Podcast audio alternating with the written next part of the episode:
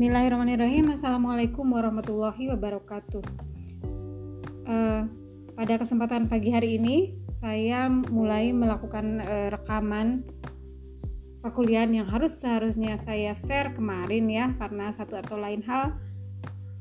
Pagi ini saya menambahkan materi yang belum saya jelaskan pada teori etologi yang diungkapkan oleh Darwin, Lawrence, Timbergen, dan Bowlby kita akan membahas sebenarnya dorongan atau motivator yang utama dalam teori etologi itu dikemukakan oleh Darwin, di mana etologi adalah studi tentang binatang dan perilaku manusia dalam e, konteks evolusi. Jadi sebenarnya memang e, teori-teori yang hadir sesudah yang berdasarkan atau dipengaruhi oleh teori etologi itu banyak dimotivasi oleh teori Darwin. Nah, teori Darwin itu lebih mengarahkan pada studi tentang animal dan perilaku manusia di dalam konteks evolusi. Jadi semua perilaku itu dibahas dalam konteks evolusi. Nah, eh, kalau teori Darwin mungkin sudah pada paham semua ya. Saya lewati saja. Di mana teori evolusi Darwin ini kemudian mendorong beberapa perkembangan teori dalam psikologi. Nah, pada teori Darwin ini sering kali perilaku dimaknakan sebagai perilaku spesies ataupun e, perilaku digambarkan atau diceritakan dalam konteks e, evolusi di mana di dalamnya ada seleksi alam sehingga ada sifat-sifat yang dipertahankan, ada sifat-sifat secara genotip yang hilang. Nah, kasusnya pada human ini sebenarnya kan e, dibahas oleh Darwin dalam The Origin of Species di mana evolusi itu kemudian diterapkan pada evolusi manusia ya. Dan bukunya The Descent of Man gitu kan ya. Sehingga contohnya eh, kesannya eh, manusia dipersamakan atau diperbandingkan dengan animal atau hewan. Sehingga uh, kita cenderung eksperimen yang dilakukan itu lebih banyak didasari perbedaan dalam struktur tulang, struktur otot, sistem saraf, dan darah.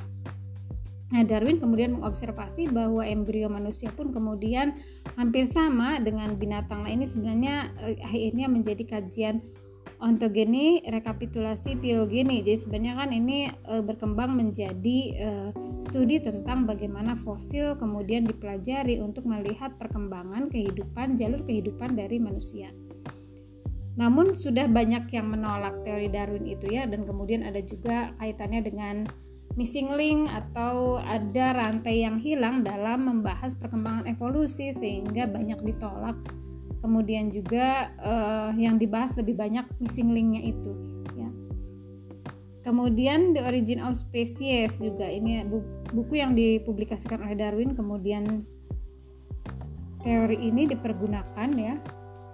Untuk kemudian uh, dipublikasikan dan Darwin ini kemudian eh, dihargai karena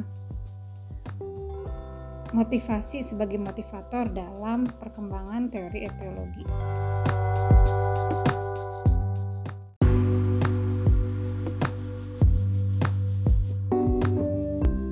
Oke, bismillahirrahmanirrahim kita lanjutkan Eh, pembahasan tentang natural selection atau seleksi alam di mana hanya alat-alat tubuh atau anggota tubuh dan spesies yang bisa bertahan hidup yang uh, bisa melanjutkan kehidupannya.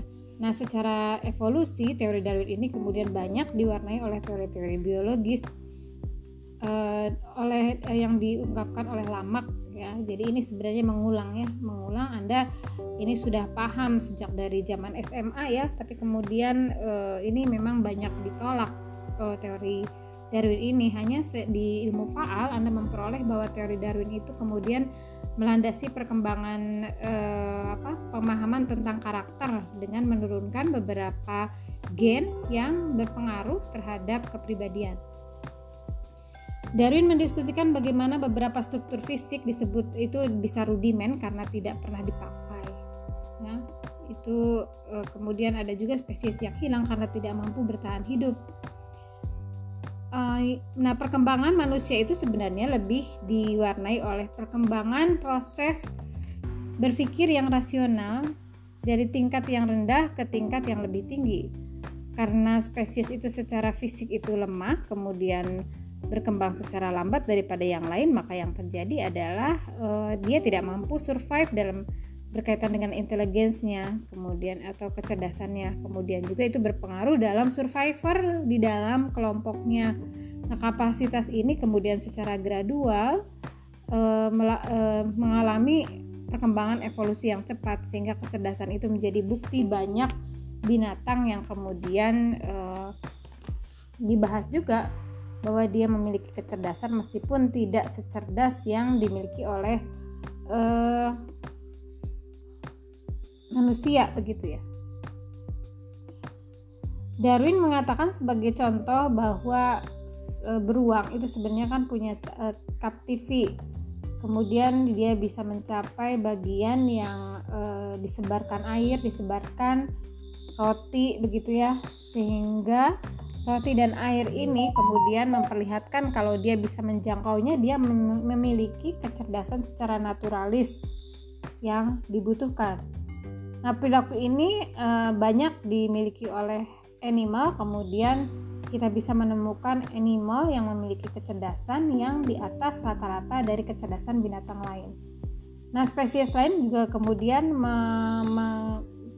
meng-share atau membagikan kapasitas tentang bagaimana pemahamannya terhadap emosi misalkan e, ada binatang yang bisa mengekspresikan rasa senangnya gitu ya sehingga e, anggota spesies yang lebih muda itu kemudian e, tampak suka untuk bermain jadi seperti anak-anak ya jadi dia cenderung lebih bahagia dibanding individu dewasa ataupun dewasa tua. Nah, Darwin secara khusus e, interest terhadap emosi moral. Sehingga dia concern kepada orang lain kemudian mengenalkan bahwa moralitas yang dimiliki oleh manusia itu berbeda dengan animal. Sehingga kita lebih banyak mempelajari bagaimana isu-isu moral kemudian menggambarkannya dengan lebih baik. Nah, anggota dari banyak spesies ini kemudian e, saling bersama-sama ya yang dalam lokasi-lokasi yang dekat. Kemudian pada saat e, apa berbahaya saling memberitahu gitu ya. Kemudian sering kali satu sama lain juga memberi bantuan. Ya contohnya ini uh, dia menceritakan bagaimana seekor babon ya uh, berpindah dari satu bukit ke bukit yang lain.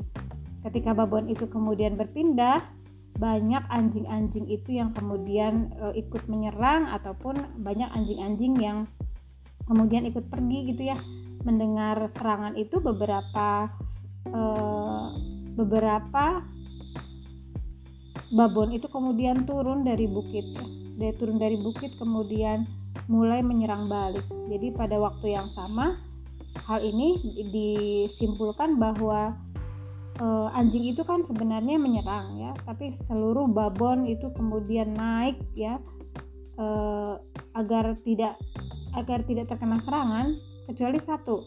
Nah, sayang satu ini adalah old babon. Jadi memang babon yang tua sehingga uh, sering kali dia malah berteriak-teriak minta tolong. Kemudian anjing-anjing yang ada di sekeliling babon itu malah mengelilinginya. Nah, kemudian datang true hero ya. Gitu babon yang eh, laki-laki. Uh,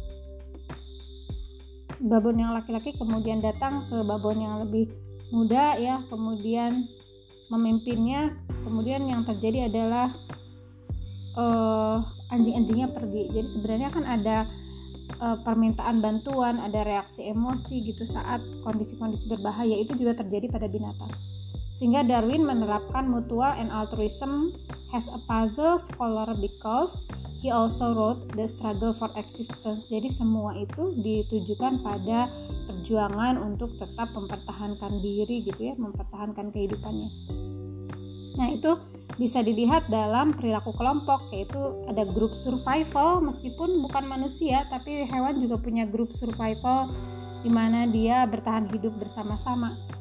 Kemudian juga eh, meneruskan dengan perilaku spesies lain di antara yang karakter-karakter fisik baik secara kognitif maupun emosi.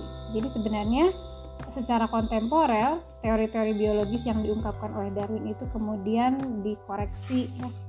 semakin menjauh semakin uh, ke sini semakin banyak dikoreksi kemudian Akan tetapi Darwin itu sebenarnya tidak memahami bahwa mekanisme yang ada di belakang variasi dan transmisi dari sifat itu belum dia jelaskan. Nah, itu banyak dijelaskan di psikologi faal.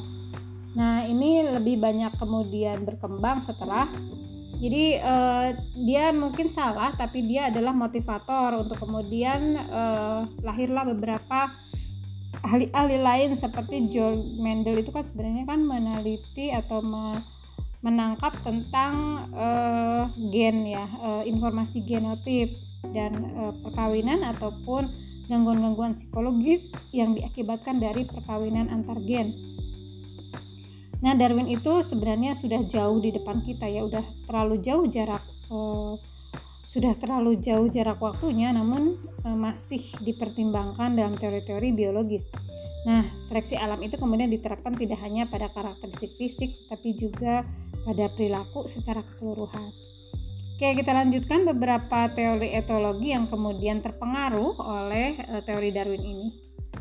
Jadi ada Konrad Lorenz gitu ya, di mana dia membahas tentang bagaimana modern etologi ini sebenarnya sudah dibahas oleh uh, rekan-rekan mahasiswa ya. Jadi tolong nanti uh, di overview dengan lebih dalam. Jadi saya tidak terlalu banyak membahas, saya lebih banyak fokus pada uh, metodologinya misalkan banyak melakukan observasi naturalistik ya baik Lorenz ini tentang perilaku instingtif jadi memang masih. Nah kalau perilaku imprinting jadi ya Lorenz ini memang lebih banyak membahas tentang bagaimana perilaku itu dibentuk.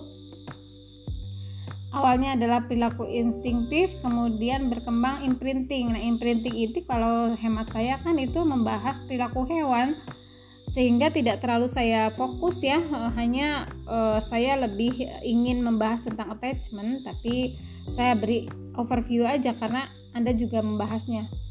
Jadi animal atau binatang itu sebenarnya berespon spesifik terhadap apa? Terhadap uh, kondisi uh, yang mereka peroleh dari lingkungan. Dan itu sudah innate ya sudah dipersiapkan sejak sebelum lahir sehingga banyak yang terjadi animal itu lahir eh, kadang-kadang kan mengalami kekurangan dalam segi pengetahuan tapi animal itu innate uh, secara innate itu memiliki perlengkapan di mana perlengkapan itu melengkapi instingnya kemampuan insting yang dia miliki. Kemudian kemampuan insting yang dia miliki itu dipenuhi selama periode-periode kritis contohnya kita sebut sebagai imprinting. Jadi sebenarnya imprinting itu kemampuan dan informasi yang digunakan untuk melengkapi perilaku-perilaku instingtif yang sudah innate ada di diri animal.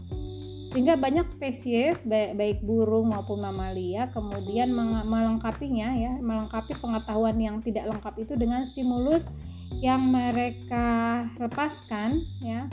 Kemudian diikuti respon contohnya jika uh, dalam instingnya misalnya saya tahu saya punya insting untuk diikuti tapi saya tahu juga uh, saya harus punya cara bagaimana apa yang harus saya keluarkan apa yang harus saya tampilkan sehingga saya bisa mengetahui itu.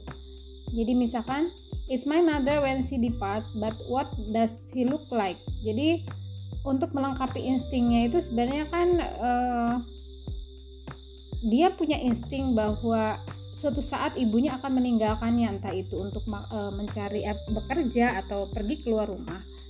Nah, perilaku imprintingnya itu adalah e, dia akan mengidentifikasi perilaku ibunya itu yang seperti apa yang menandakan ibunya itu mau keluar rumah. Itu yang dimaksud dengan imprinting. Jadi, informasi tambahan yang digunakan untuk melengkapi perilaku-perilaku yang sudah ada di perilaku-perilaku instingtif. Nah, informasi ini kemudian dipergunakan ketika ia eh, ketika ia bergerak. Jadi, ketika dia mulai belajar bergerak, itu juga mulai dipakai. Jadi, secara ordinary objek itu betul-betul ibu, tapi ketika eh, ketika dia menampakkan atau menangkap stimulus ibu, secara energetik ya, secara tenaga dan aktivitas dia mengikutinya e, dan mengumpulkannya ke dalam satu kelompok informasi yang sama. Jadi e, ketika ia pergi ya, dia jadi menolak ya, e, menolak kondisi-kondisi lain. misalnya they imprinting on him jadi biasanya kan uh, ketika kita menolak ya ketika menolak sesuatu kita akan uh, menampilkannya gitu ya. Uh, untuk menggantikan ya perilaku instinktif atau melengkapi perilaku instinktif yang ditampilkan. Misalnya ada ibu akan pergi gitu ya terus anaknya melihat ibunya uh, pakai baju gitu ya pakai baju uh, baru kemudian dia baru uh, berteriak-teriak dan menangis gitu ya dan itu juga sama seperti respon yang ada pada uh, misalkan saat dia berespon terhadap bapaknya ya. ketika bapaknya pergi dia jadi cuek gitu ya. Dia jadi cuek. Jadi akhirnya ada perilaku-perilaku yang ditampilkan yang memang ber, berbeda dari subjek yang satu dengan subjek yang lain. Itu digunakan untuk melengkapi dorongan-dorongan insting yang timbul. Sehingga Lawrence mengatakan bahwa eh, ya itu bukan pertama yang pertama mengobservasi imprinting dia ada yang adalah yang pertama yang mengungkapkannya sehingga Fase-fase imprinting ini adalah fase-fase kritis yang disebut sebagai critical period. Maknanya, binatang yang lebih muda itu kemudian akan membentuk kelekatan dengan objek hanya jika dia e, mengikuti objek itu pada waktu-waktu pertama awal kehidupannya. Jika makanya jika animal itu kemudian animal muda itu kemudian melihat objek sebelum dan sesudah critical period itu tidak ada attachment. Jadi di sini digambarkan bahwa sangat penting atau sangat kritis, eh, sangat diperlukan periode sebelum dan sesudah eh, before and after critical period. Karena apa? Kalau tidak seperti itu, maka tidak ada kelekatan yang terbentuk. Nah, satu dari critical period itu kemudian lewat, maka eh, dia kemudian mampu membentuk kelekatan dengan objek-objek lain. Jadi imprinting itu ya memang perilaku-perilaku yang melengkapi insting yang kemudian itu dikeluarkan oleh individu agar dia bisa sampai pada attachment. Ya. Nah di sini eh, contohnya adalah seseorang bisa mengimprinting figur ibu, kemudian eh, bebek dan lain-lain ya. Tapi kemudian e, ketika terpisah ya ketika menjadi separate terpisah dia mencari ibunya gitu ya e, misalnya saja ketika e, apa ibunya tidak ada yang terjadi adalah dia mendengarkan suara-suara panggilan dan bebek itu tidak bisa dia capai dia mem, apa melemparnya ya kemudian e, menjauhkannya nah ketika e, dia mencapai bebeknya dia jadi suka, dia jadi tertawa. Ia dan bebeknya kemudian bertukar suara yang menyenangkan. Jadi itu juga perilaku imprinting itu akan juga tampak pada periode uh, keterpisahan. Jadi akhirnya dia mencoba untuk menampilkan kelekatan tapi digantikan dengan objek lain. Salah satunya adalah mainan bebek-bebeknya ya itu juga perilaku insting yang uh, mempersiapkan atau melengkapi perilaku-perilaku instingtif yang kemudian muncul imprinting itu dapat diterapkan tidak hanya pada respon-respon pada uh, individu yang lebih muda tetapi juga pada perilaku sosial di mana early imprinting itu dapat menyebabkan seksual preference jadi kecenderungan seksual. Dia suka orang seperti apa? Salah satunya adalah e, bagaimana tetangga itu e, apa e, mengangkat tangannya kalau kita pergi gitu ya. Kemudian juga perilaku imprinting pada manusia itu juga bisa terlihat pada kematangan seksual sehingga kalau seseorang itu matang secara seksual dia sudah bisa untuk attach atau lekat dengan individu lain. Nah, ketika kemudian ketika dia berusaha untuk mendekat pada individu lain. Uh, ini terlihat bahwa fokusnya pada manusia itu lebih ke arah uh, kalau membentuk hubungan seksual maka dia memerlukan pen, apa, peningkatan atau pemahaman tentang perkembangan seksual yang lebih advance.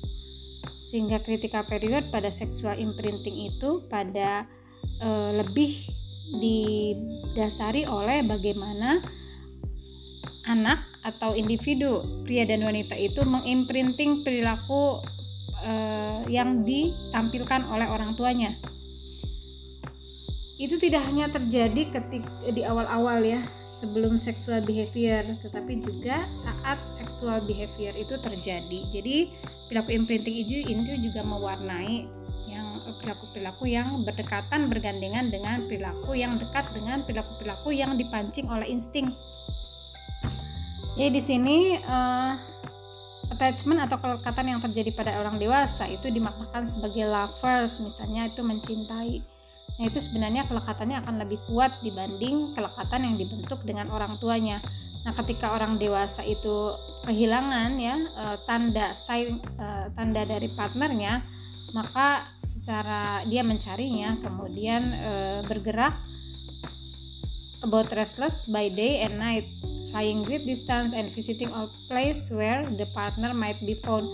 Jadi ini akan di pada orang dewasa yang adult yang sudah punya pasangan maka keterpisahan ini akan dimaknakan lebih dalam dibanding keterpisahan dengan orang tua. Jadi Anda bayangkan saja ada istri ya yang suaminya itu selingkuh misalnya. E, istrinya mengindikasikan suaminya selingkuh, biasanya kan mencari ya. Mencari suaminya ada di mana gitu ya.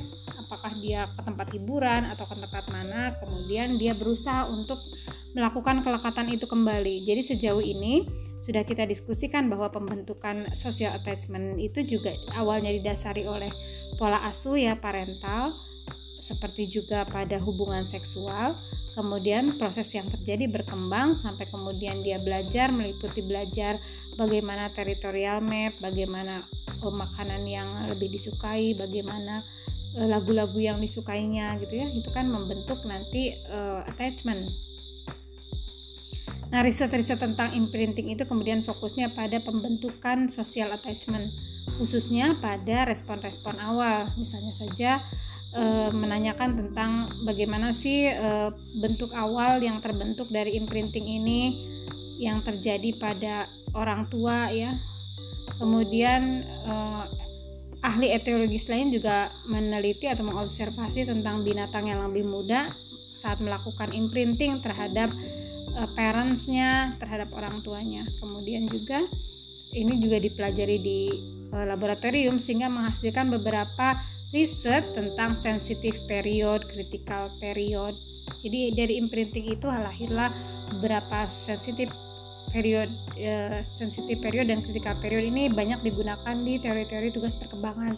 Ya, jadi ada fase-fase kritis uh, usia berapa anak itu harusnya diberikan pembelajaran bahasa? Usia berapa anak itu harus bisa uh, memperoleh pembelajaran misalkan tentang bahasa ataupun menulis gitu yang peka dan lebih bagusnya di usia berapa sehingga terbentuk kelekatan atau terbentuk perilaku baru yang diperlukan nah evaluasinya etiologi itu sebenarnya berkembang di eh, Eropa kemudian e, berpindah ke Amerika Nah, di Amerika yang berkembang itu attachment. Jadi, eh, studi yang dilakukan oleh Bernard Rice tahun 54 memperlihatkan bahwa pengalaman-pengalaman kegagalan ya, terutama pada yang dibahas adalah pada hewan pengerat ya di itu memelihatkan bahwa insting itu terbentuk dengan e, melalui ya ini diketahui melalui penelitian laboratorium atau eksperimen.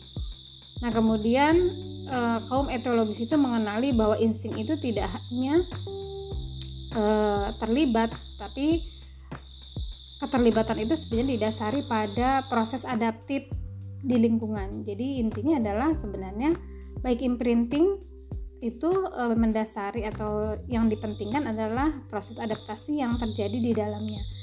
Sehingga kebutuhan untuk mencari lingkungan yang baru lingkungan yang baik itu untuk berkembang dengan lebih baik itu juga diperlukan gitu ya.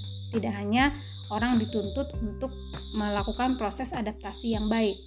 Nah, lingkungan itu penting sehingga kaum etologis itu mengklaim bahwa perilaku-perilaku instingtif itu kemudian menjadi komponen yang lebih innate apabila dia ada di lingkungan yang insting secara instingtif dia mampu untuk beradaptasi sehingga insting-insting itu kemudian lahir tanpa elaborasi uh, elaborate conditioning or learning jadi akhirnya perilaku-perilaku instinktif itu uh, terjadi tanpa mengelaborasi, tanpa melakukan conditioning ataupun tanpa proses belajar yang lebih dalam.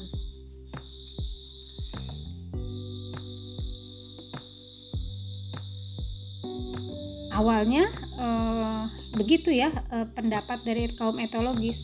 Kemudian kaum etologis juga kemudian menghasilkan beberapa insight tentang insight tentang respect terhadap perilaku-perilaku non-human ya perilaku-perilaku binatang kemudian juga baru perlahan-lahan dia menerapkannya pada human sehingga sebenarnya uh, ini uh, menggambarkan bagaimana perilaku fundamental yang dipelajari melalui perilaku-perilaku hewan yang diterapkan pada manusia ya tidak bisa kita terapkan secara otomatis ya nah fokus terbesar kita adalah attachment ini. Nah, attachment ini kelekatan yang sudah diterapkan pada human ya, perilaku manusia di mana di sini tokohnya adalah John Bowlby yang lahir di London. Ya, dia berada di kalangan menengah ke bawah ya, ekonomi menengah ke bawah di Inggris.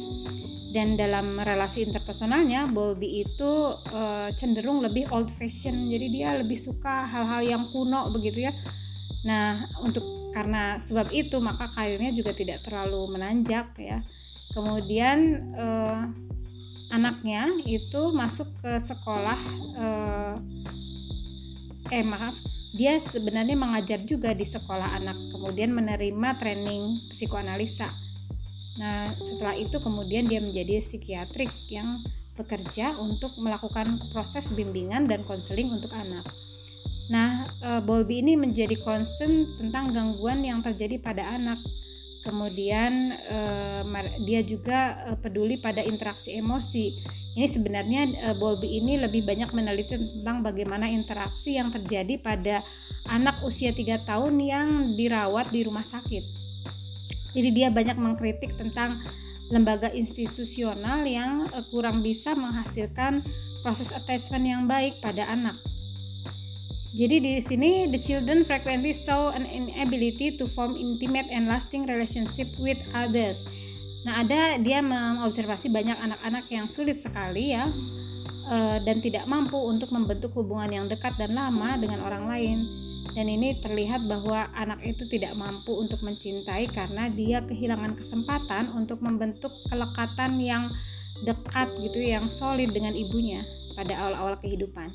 Sehingga pada tahun 48 WHO kemudian meminta Bowlby untuk melakukan mengumpulkan bukti-bukti riset tentang bagaimana institusi seperti rumah sakit itu mengakibatkan e, kekurangan kasih sayang pada anak ya.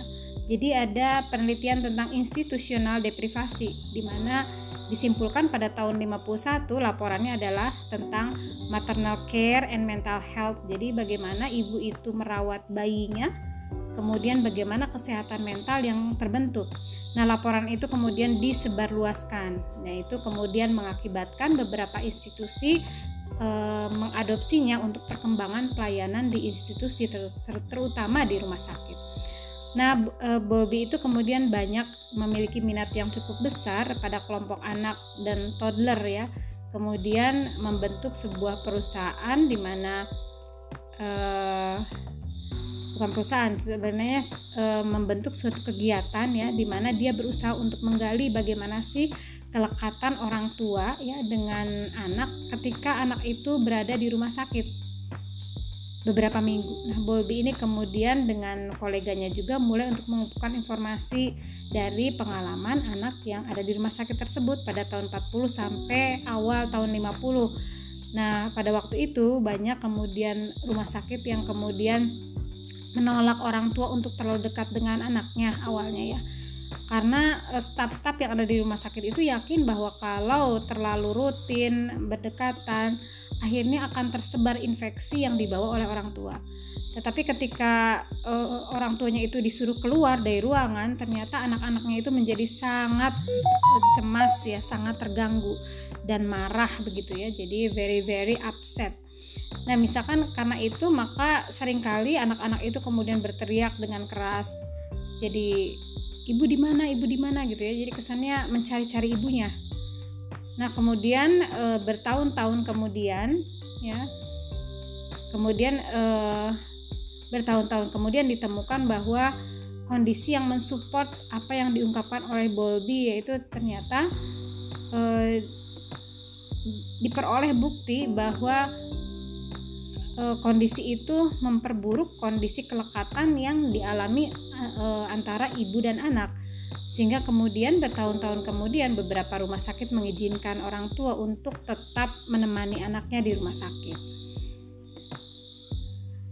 Nah, tahun 52 Robertson meng akhirnya mengeluarkan film juga. Jadi Two Years Old Goes to Hospital. Jadi dia akan merekam bagaimana sih penderitaan anak e, kecil bernama Laura ya yang kemudian yang mengalami e, gangguan dalam kontrol diri tapi kemudian e, mengalami gangguan emosi karena kemudian dia mencoba untuk lari ya kabur dari rumah sakit mencari pulang ke rumahnya ya.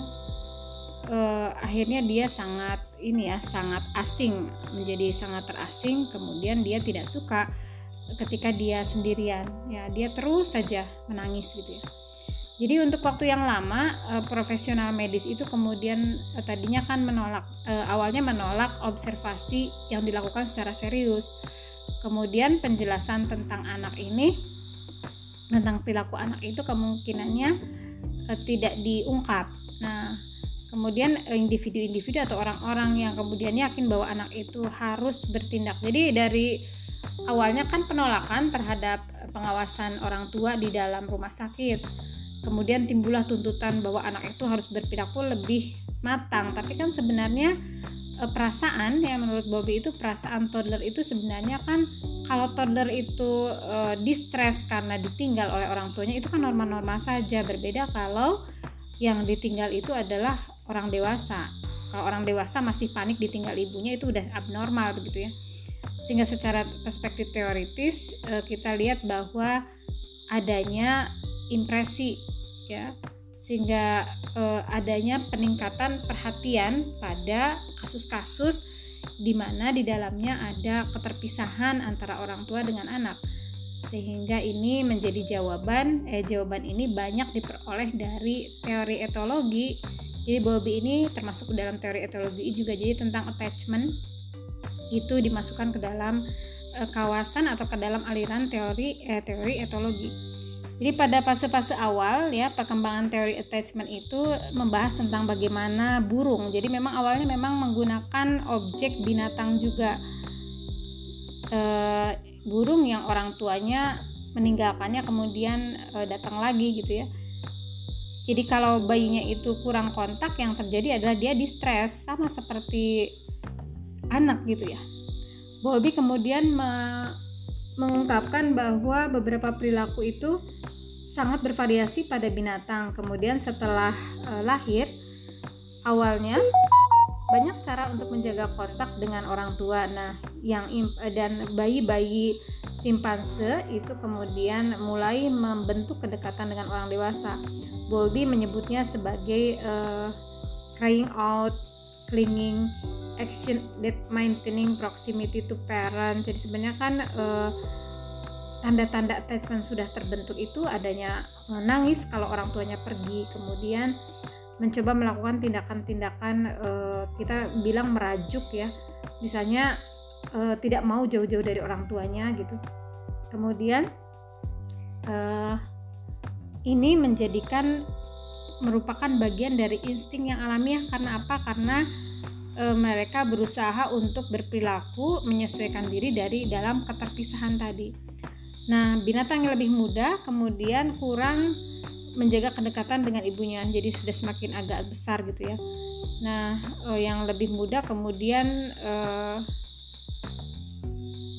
yang binatang-binatang yang lebih muda kemudian mencoba untuk apa melepaskan dengan lebih mudah. Jadi kita lihat kalau misalkan kakak ya kakak dengan adik. Si adik melihat bagaimana kakaknya itu eh, kesulitan untuk melepas orang tuanya pergi kerja.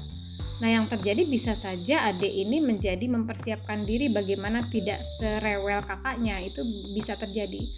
Sehingga ada pengaruh perilaku yang e, dilihat ya dari figur yang sedang membentuk attachment tadi Jadi Bowlby itu mengungkapkan bahwa ada similar attachment behavior. Jadi ada uh, perilaku attachment yang sama yang terjadi pada bayi manusia di mana uh, bayi yang ingin sa sangat dekat dengan ibunya kemudian setelah dia mulai merangkak, setelah dia mulai bisa mengikuti ibunya, setelah dia marah karena terpisah, dia kemudian nangis ya, nangis, kemudian e, ngambek gitu, kemudian meminta kontak yang lebih dekat.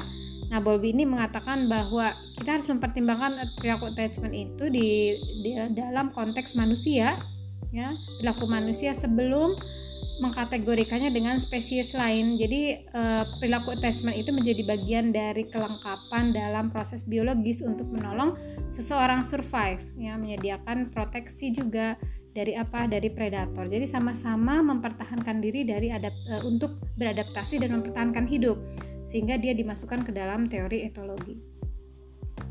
Nah istilah predator ini kan kalau di e, individu manusia sudah tidak tidak terlalu penting ya e, manusia sudah memiliki perlengkapan untuk mem, melawan predator ini. Nah, e, kesulitan atau e, bahaya yang lebih besar adalah ketika uh, di tidak pada predator tetapi pada uh, keterancaman terhadap zat-zat kimia, kemudian uh, erupsi atau keluarnya gas-gas berbahaya dari kendaraan misalkan. Sehingga konteks dari attachment ini lebih banyak dibahas pada adaptasi terhadap lingkungan yang bisa membahayakan sehingga dasar dari lingkungan itu kemudian terlibat. Jadi tidak hanya teori tentang kelekatannya tetapi lingkungannya juga dibahas. ia percaya bahwa secara antropologis data yang disediakan itu cukup bisa menggambarkan perilaku manusia ya sebenarnya. Tapi e, sejak 2 juta tahun yang lalu ketika e, para ketika banyak ilmuwan-ilmuwan kuno ya yang membahas tentang Homo habilis dengan menggambarkan e, manusia dengan menggunakan perlengkapan yang terbuat dari batu. Nah, melalui dan akhirnya di sini uh, pembahasannya adalah bergerak pada kelompok ya dari manusia kemudian bergerak pada kelompok kecil uh, kelompok kecil saat berhadapan dengan predator ini apabila kita mengasumsikannya atau menganalogikannya dengan perilaku binatang. Nah, ketika terancam, manusia kemudian berkooperasi, bekerja sama untuk menggiring predator itu kemudian melindungi uh, binat uh, melindungi individu yang lebih muda, yang lebih lemah, kemudian yang individu yang lebih besar kemudian e, cenderung melawan predatornya itu. Jadi sebenarnya kan e, itu berupa perilaku-perilaku mempertahankan diri ya. Kemudian diikuti dengan e, ibu itu kemudian e, melindungi di bagian diri sebelah belakang. Kemudian juga bagaimana seorang menjadi kurang kurang memberikan makanan untuk eh, kuda-kuda uh, misalkan yang dikejar eh, yang sedang dikejar anjing gitu. Sehingga di sini perilaku attachment itu tidak diragukan lagi adalah salah satu bagian karakteristik dari bagian karakteristik dari yang kita lihat sampai sekarang. Sehingga Bowlby itu biasanya diyakini meyakinkan bahwa attachment itu kemudian e, terlibat dalam fase-fase awal pembentukan kepribadian individu. Nah, ini e, Bobby membedakan antara insting, imprinting gitu ya. Jadi e, Bobby juga masih menggunakan insting dan imprinting ya. Tapi kemudian dia lebih banyak menjelaskan tentang attachment. Nah, fase attachment itu ya fase pertama adalah fase 3 minggu di mana di sini e, individu menghasilkan sosial gesture meskipun terbatas pada orang-orang tertentu. Jadi pada usia tiga minggu ini sering disebut sebagai social smile kalau pada bayi ya. Jadi beberapa hari sudah bayi lahir, kemudian bayi itu meningkatkan kemampuan kapasitas untuk membedakan orang yang satu dengan orang yang lain sehingga kalau ibunya orang lain pergi dia nggak masalah tapi kalau ibunya pergi dia ngambek gitu sehingga dia cenderung melihat ibunya, baunya, suaranya, e, mukanya, matanya gitu ya. Sehingga e, pada permulaan e, tiga bulan pertama bayi kemudian memilih secara terbatas orang-orang siapa saja yang bisa dia respon dan itu ditampilkan dalam gesture atau ekspresi-ekspresi nonverbal secara sosial. Nah, di sini Anda lihat gesture yang awal-awal itu disebut sebagai social smile. Jadi uh, saat digodain ya, otomatis bayi itu akan tersenyum. Nah, salah satu yang di, dapat kita katakan ketika visual smile itu mulai, maka eh, minggu-minggu uh, sebelumnya bayi akan mulai untuk uh, mem membuat bisa me diajak main cilukba gitu ya. Kemudian juga bayi uh, meningkat menjadi social smile. Nah, Anda lihat bahwa social smile itu juga me, apa, merupakan momen yang penting kalau kita lihat ke orang tua. Jadi orang tua juga uh, mulai menyatakan oh anak ini mencintai saya gitu ya melalui social smile-nya. Nah, tiga bulan berikutnya social smile itu uh, tidak selektif lagi, dia bisa social smile sama siapa saja gitu Nah, profil itu far less efektif. Jadi akhirnya profil ibu ya tidak selalu ibunya saja yang bisa diajak main ciluk, Mbak gitu ya. Kemudian voice atau suaranya itu e, cenderung e, suara cenderung menjadi bagian yang lemah untuk melecut atau memicu e, ketawa. Sehingga sosialisme itu biasanya muncul saja ya. Meskipun tidak muncul e, stimulus yang spesifik. Misalkan tidak hanya keluar kalau ada orang tua saja tetapi untuk orang lain juga bisa. Kemudian mulai dengan e, babbling gitu ya. Ada e, babbling itu biasanya menyebutkan kata-kata yang tidak memiliki arti itu permulaan awal bicara. Biasanya bayi menampilkan sound atau bunyi-bunyian ya. Nah itu sebagai tanda e, kalau ada muka orang dia babbling gitu. Kemudian uh, sama juga dengan senyuman babbling itu merupakan uh, eh, awalnya juga uh, tidak selektif ya. Kemudian bayi hanya uh, babbling ketika uh, ada orang-orang tertentu di sekitar dia. Jadi babbling ini juga seperti smiling. Jadi social releaser. Jadi fungsinya adalah untuk menjaga hubungan antara individu-individu yang memiliki kedekatan seperti ibu misalnya. Nah, benangis itu kemudian menghasilkan kedekatan juga antara pengasuh dan anak, seperti eh, panggilan bahwa anak itu sedang mengalami distress. Itu sinyal itu diperlukan agar bayi ini ditolong. Misalnya saja, oh bayi ini sedang dalam kondisi sakit, lapar, dingin, ya, atau tidak nyaman. Sedangkan kedekatan itu lebih ke arah bagaimana bayi itu membutuhkan pelukan. Jadi bayi yang baru lahir kemudian diberi perlengkapan uh, kelengkapan untuk bisa menampilkan e, respon pelukan gitu ya. Jadi salah satu halnya adalah e, ada refleks-refleks yang kemudian dibentuk seperti gra grabs ya, grass. Kemudian juga e, objek bisa disentuh oleh bayi meskipun dengan e, bisa ditentu oleh bayi dengan tangan terbuka. Nah, tangan itu secara otomatis e, tertutup sesudah itu kemudian e, ada refleks moro ya ini kemudian terbentuklah refleks-refleks yang menggambarkan kedekatan ya. Ada grace ada moro misalnya. Kemudian e, anak juga akan menampilkan suara-suara ribut ketika tidak diperhatikan. Respon-respon ini kemudian menyebar e, tidak hanya di telapak tangan tetapi di jari-jari ya sehingga menstimulasi perkembangan. File put eh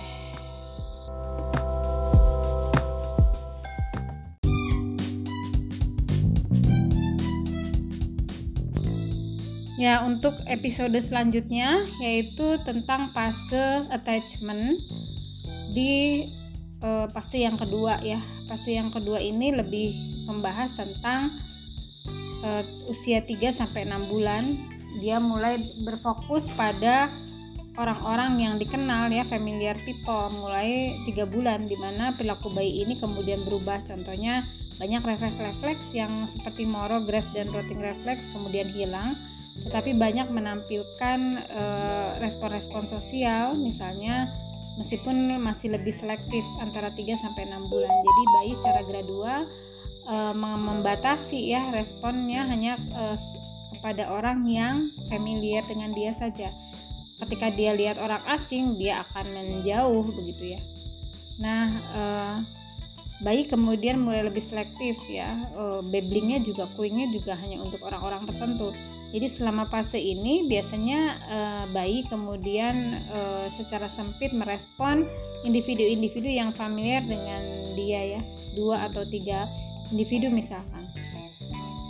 Nah bayi juga kemudian mengembangkan attachment kelekatan dengan orang-orang yang uh, siaga terhadap sinyal-sinyal uh, interaksi yang menyenangkan jadi kalau eh, sekelilingnya itu dia adalah individu yang menyenangkan untuk anak maka bayi juga akan meresponnya begitu Nah, fase yang ketiga yaitu intense attachment and active proximity seeking. Jadi intense attachment and active proximity seeking itu adalah mulai sekitar enam bulan di mana bayi itu kemudian membentuk kelekatan dengan orang-orang dengan cukup intens di mana eh, anak itu bayi itu akan menjadi menangis ketika ibunya itu meninggalkan ruangan kemudian mem memperlihatkan bahwa dia cemas ya tang eh, cemas akan keterpisahan.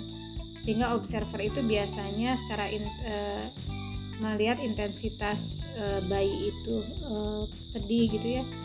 Ketika ia kemudian dijauhkan dari ibunya kemudian ketika ibunya balik bayi itu tersenyum gitu apalagi ketika digendong. Nah ini diobservasi.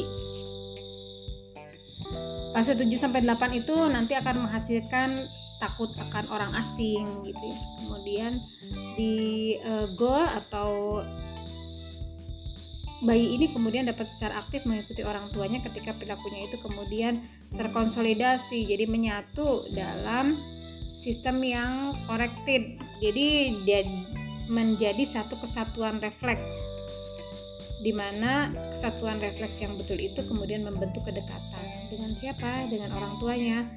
Misalkan dengan jari-jarinya menjangkau orang tuanya gesture eh, gerak-gerik untuk kepengen digendong menjadi satu sistem gerak ya nah itu kemudian eh, pengasuh itu sebagai pengasuh itu harus menyediakan rasa aman, secure base from which to explore. Akhirnya haruslah disediakan ruangan-ruangan ataupun respon-respon yang membuat anak itu berani ataupun nyaman untuk bereksplorasi.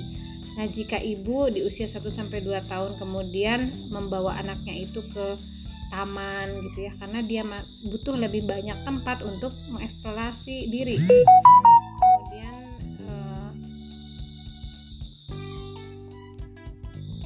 tetap mengawasinya ya dalam jarak yang dekat. Nah, anak itu secara periodik kemudian e, kalau jauh dari orang tuanya dia lihat ke belakang. Kalau lihat ke belakang dia masih melihat e, senyum dari ibunya, maka dia e, terus aja berjalan. Tapi kalau sudah tidak terlihat dia balik lagi ya mencari ibunya. Ini juga e, memperlihatkan bagaimana kemudian berkembang menjadi e, perilaku yang e, menyeluruh ya dalam satu sistem e, perilaku.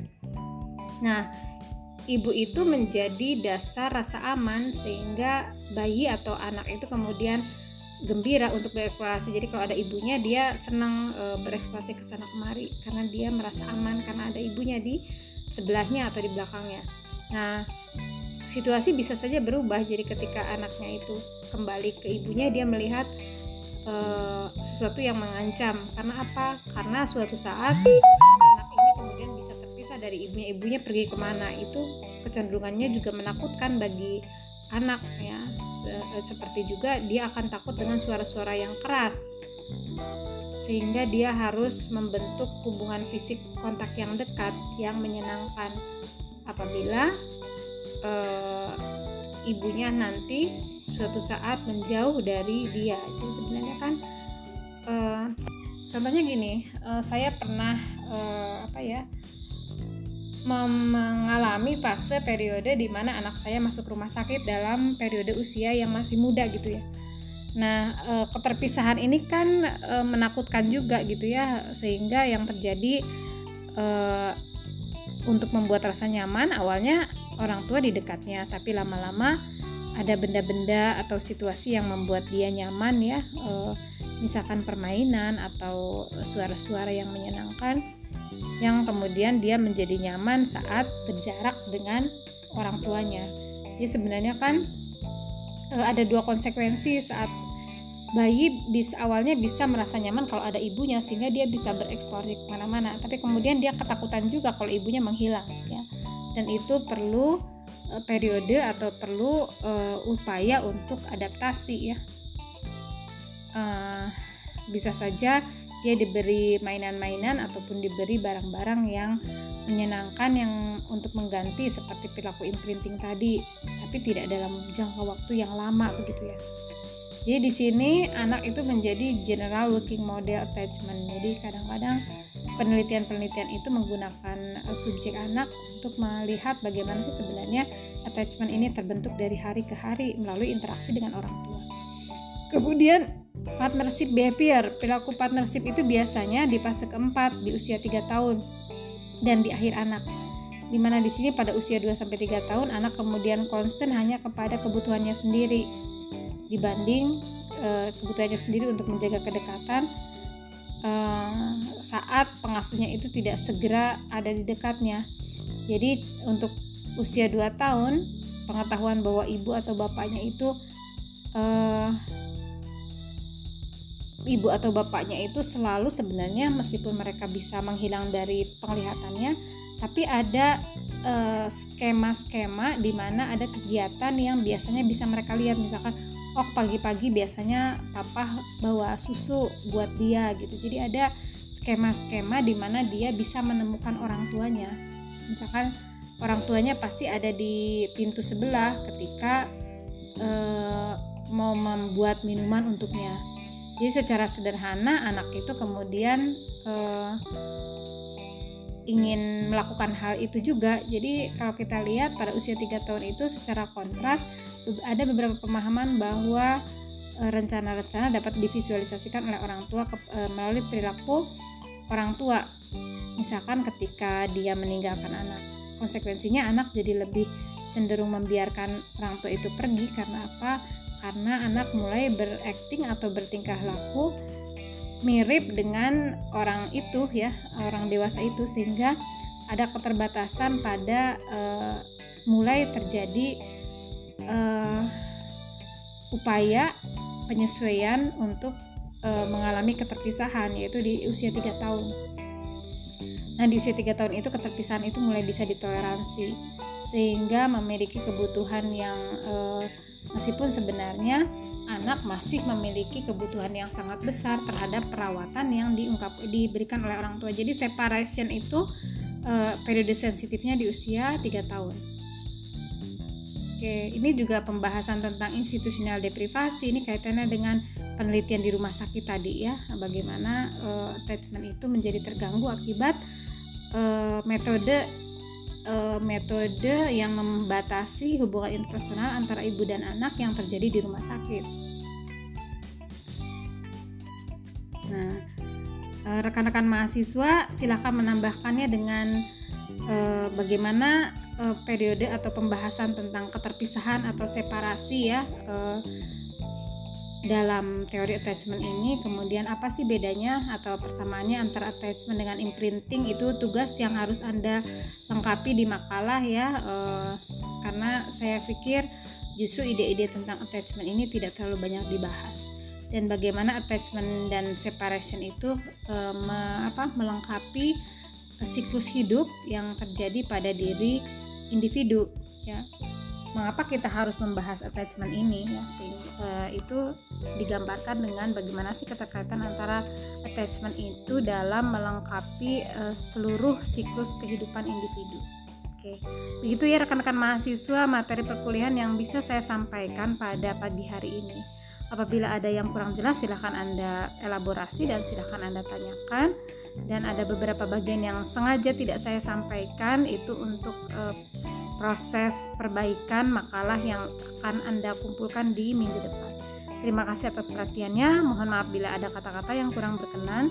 Saya tutup perkuliahannya dengan membaca Alhamdulillahirabbil alamin. Subhanakallahumma wa bihamdika asyhadu an la ilaha illa anta astaghfiruka wa atubu ilaik. Assalamualaikum warahmatullahi wabarakatuh.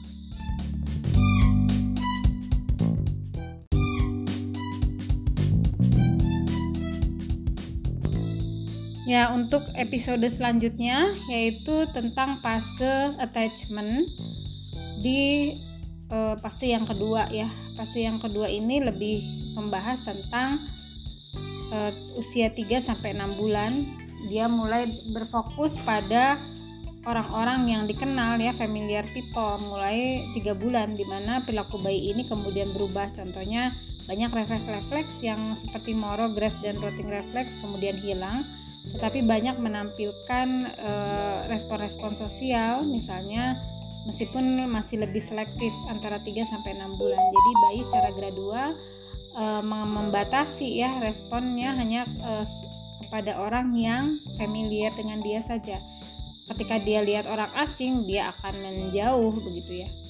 Nah, uh, bayi kemudian mulai lebih selektif ya.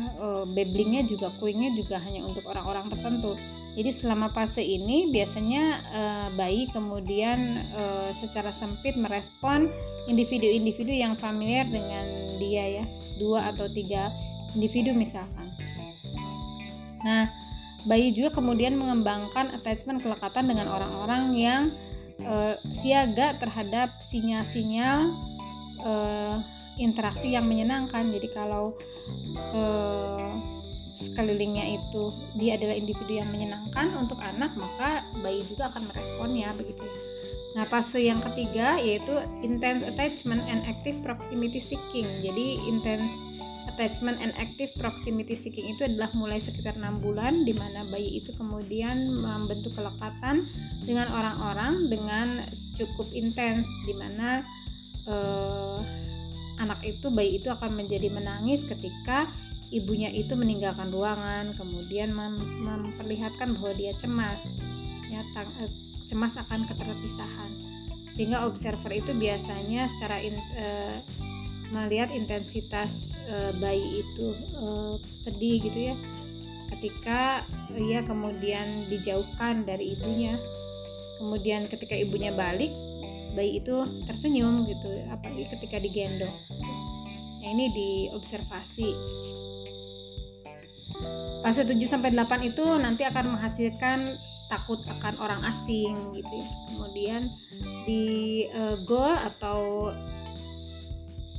bayi ini kemudian dapat secara aktif mengikuti orang tuanya ketika perilakunya itu kemudian terkonsolidasi jadi menyatu dalam sistem yang corrected jadi menjadi satu kesatuan refleks di mana kesatuan refleks yang betul itu kemudian membentuk kedekatan dengan siapa? Dengan orang tuanya. Misalkan eh, dengan jari-jarinya menjangkau orang tuanya gesture eh, gerak-gerik untuk kepengen digendong. Akhirnya menjadi satu sistem gerak ya. Nah itu kemudian eh, pengasuh itu sebagai pengasuh itu harus menyediakan rasa aman, secure base from which to explore. Akhirnya haruslah disediakan ruangan-ruangan ataupun respon-respon yang membuat anak itu berani ataupun nyaman untuk bereksplorasi. Nah, jika ibu di usia 1 sampai 2 tahun kemudian membawa anaknya itu ke taman gitu ya, karena dia butuh lebih banyak tempat untuk mengeksplorasi diri.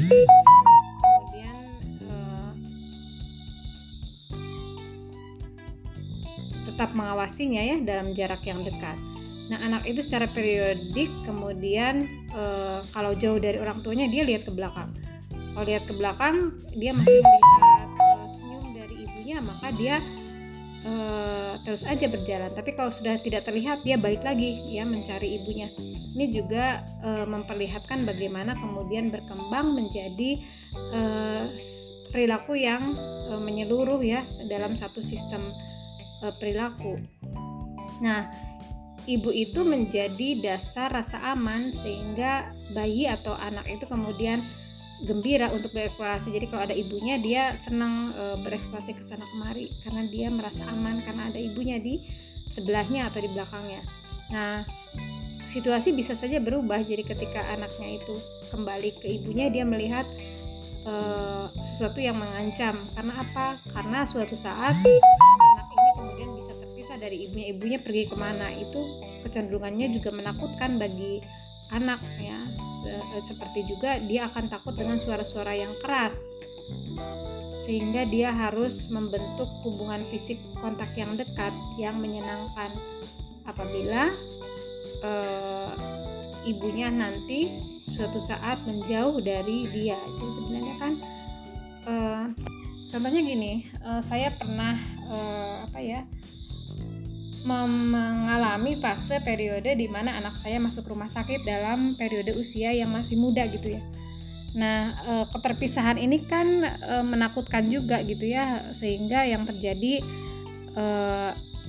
untuk membuat rasa nyaman awalnya orang tua di dekatnya, tapi lama-lama ada benda-benda atau situasi yang membuat dia nyaman ya, e, misalkan permainan atau suara-suara yang menyenangkan, yang kemudian dia menjadi nyaman saat berjarak dengan orang tuanya.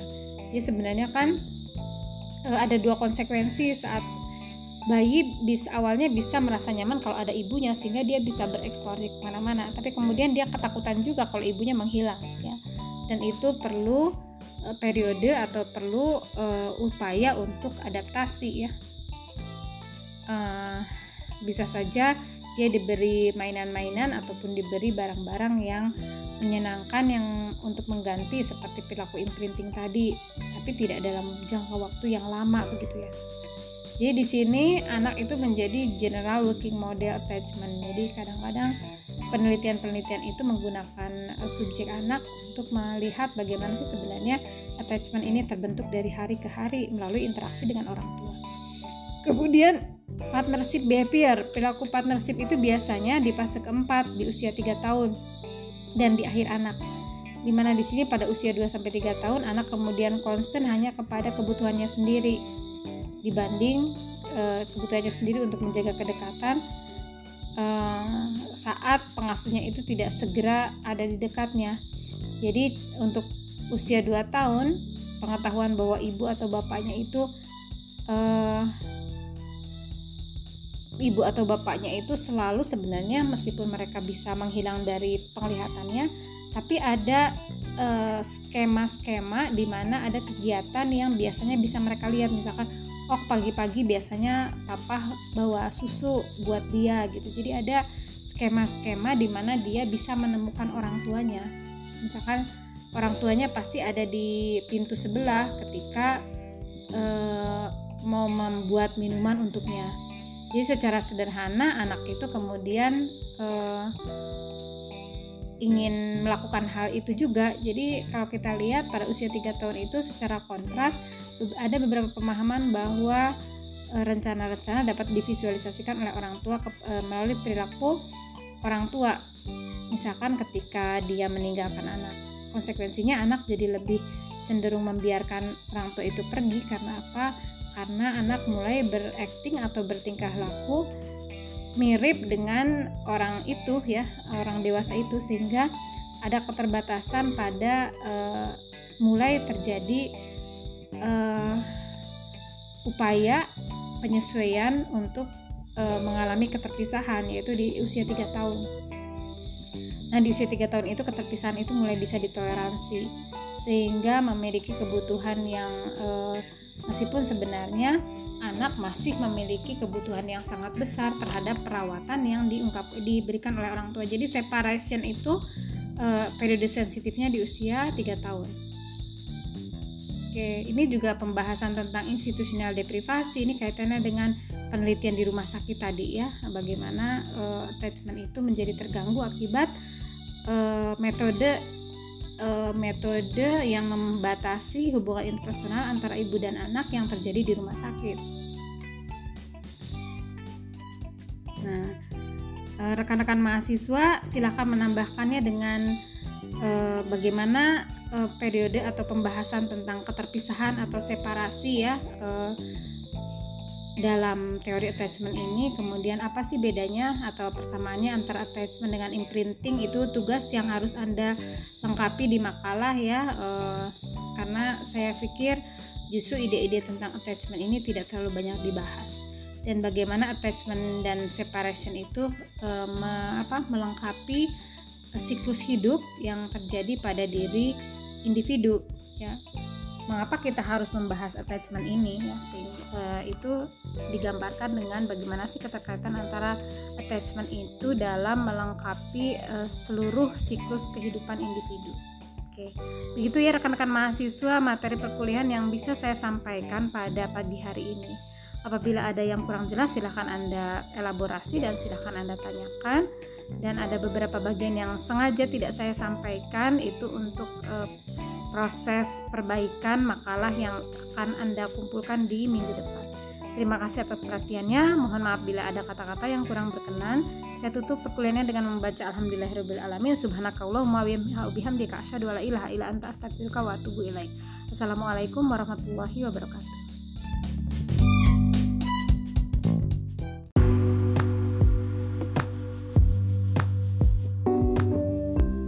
Oke, bismillahirrahmanirrahim. Kita lanjutkan Eh, pembahasan tentang natural selection atau seleksi alam di mana hanya alat-alat tubuh atau anggota tubuh dan spesies yang bisa bertahan hidup yang uh, bisa melanjutkan kehidupannya. Nah, secara evolusi teori Darwin ini kemudian banyak diwarnai oleh teori-teori biologis uh, oleh uh, yang diungkapkan oleh Lamarck ya. Jadi ini sebenarnya mengulang ya, mengulang Anda ini sudah paham sejak dari zaman SMA ya tapi kemudian uh, ini memang banyak ditolak uh, teori Darwin ini hanya di ilmu faal Anda memperoleh bahwa teori Darwin itu kemudian melandasi perkembangan uh, apa pemahaman tentang karakter dengan menurunkan beberapa gen yang berpengaruh terhadap kepribadian. Darwin mendiskusikan bagaimana beberapa struktur fisik disebut itu bisa rudimen karena tidak pernah dipakai. Ya itu e, kemudian ada juga spesies yang hilang karena tidak mampu bertahan hidup. E, nah perkembangan manusia itu sebenarnya lebih diwarnai oleh perkembangan proses berpikir yang rasional dari tingkat yang rendah ke tingkat yang lebih tinggi. Karena spesies itu secara fisik itu lemah kemudian berkembang secara lambat daripada yang lain maka yang terjadi adalah uh, dia tidak mampu survive dalam berkaitan dengan inteligensinya, kemudian atau kecerdasannya, kemudian juga itu berpengaruh dalam survivor di dalam kelompoknya. Nah, kapasitas ini kemudian secara gradual e, e, mengalami perkembangan evolusi yang cepat sehingga kecerdasan itu menjadi bukti banyak binatang yang kemudian e, dibahas juga bahwa dia memiliki kecerdasan meskipun tidak secerdas yang dimiliki oleh manusia begitu ya. Darwin mengatakan sebagai contoh bahwa e, beruang itu sebenarnya kan punya e, TV. Kemudian dia bisa mencapai bagian yang e, disebarkan air, disebarkan roti begitu ya. Sehingga roti dan air ini kemudian memperlihatkan kalau dia bisa menjangkaunya dia memiliki kecerdasan secara naturalis yang dibutuhkan. Nah, perilaku ini e, banyak dimiliki oleh animal, kemudian kita bisa menemukan animal yang memiliki kecerdasan yang di atas rata-rata dari kecerdasan binatang lain.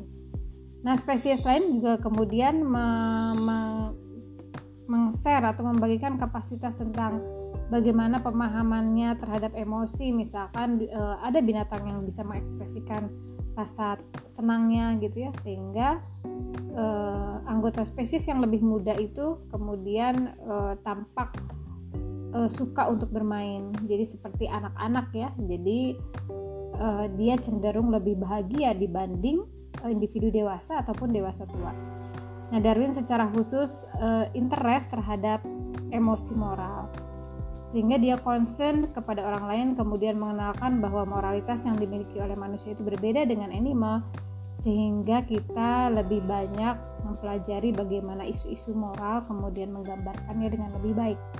Nah, anggota dari banyak spesies ini kemudian uh, saling bersama-sama ya yang dalam lokasi-lokasi yang dekat kemudian pada saat uh, apa berbahaya saling memberitahu gitu ya. Kemudian sering kali satu sama lain juga memberi bantuan. Ya contohnya ini uh, dia menceritakan bagaimana seekor babon ya uh, berpindah dari satu bukit ke bukit yang lain.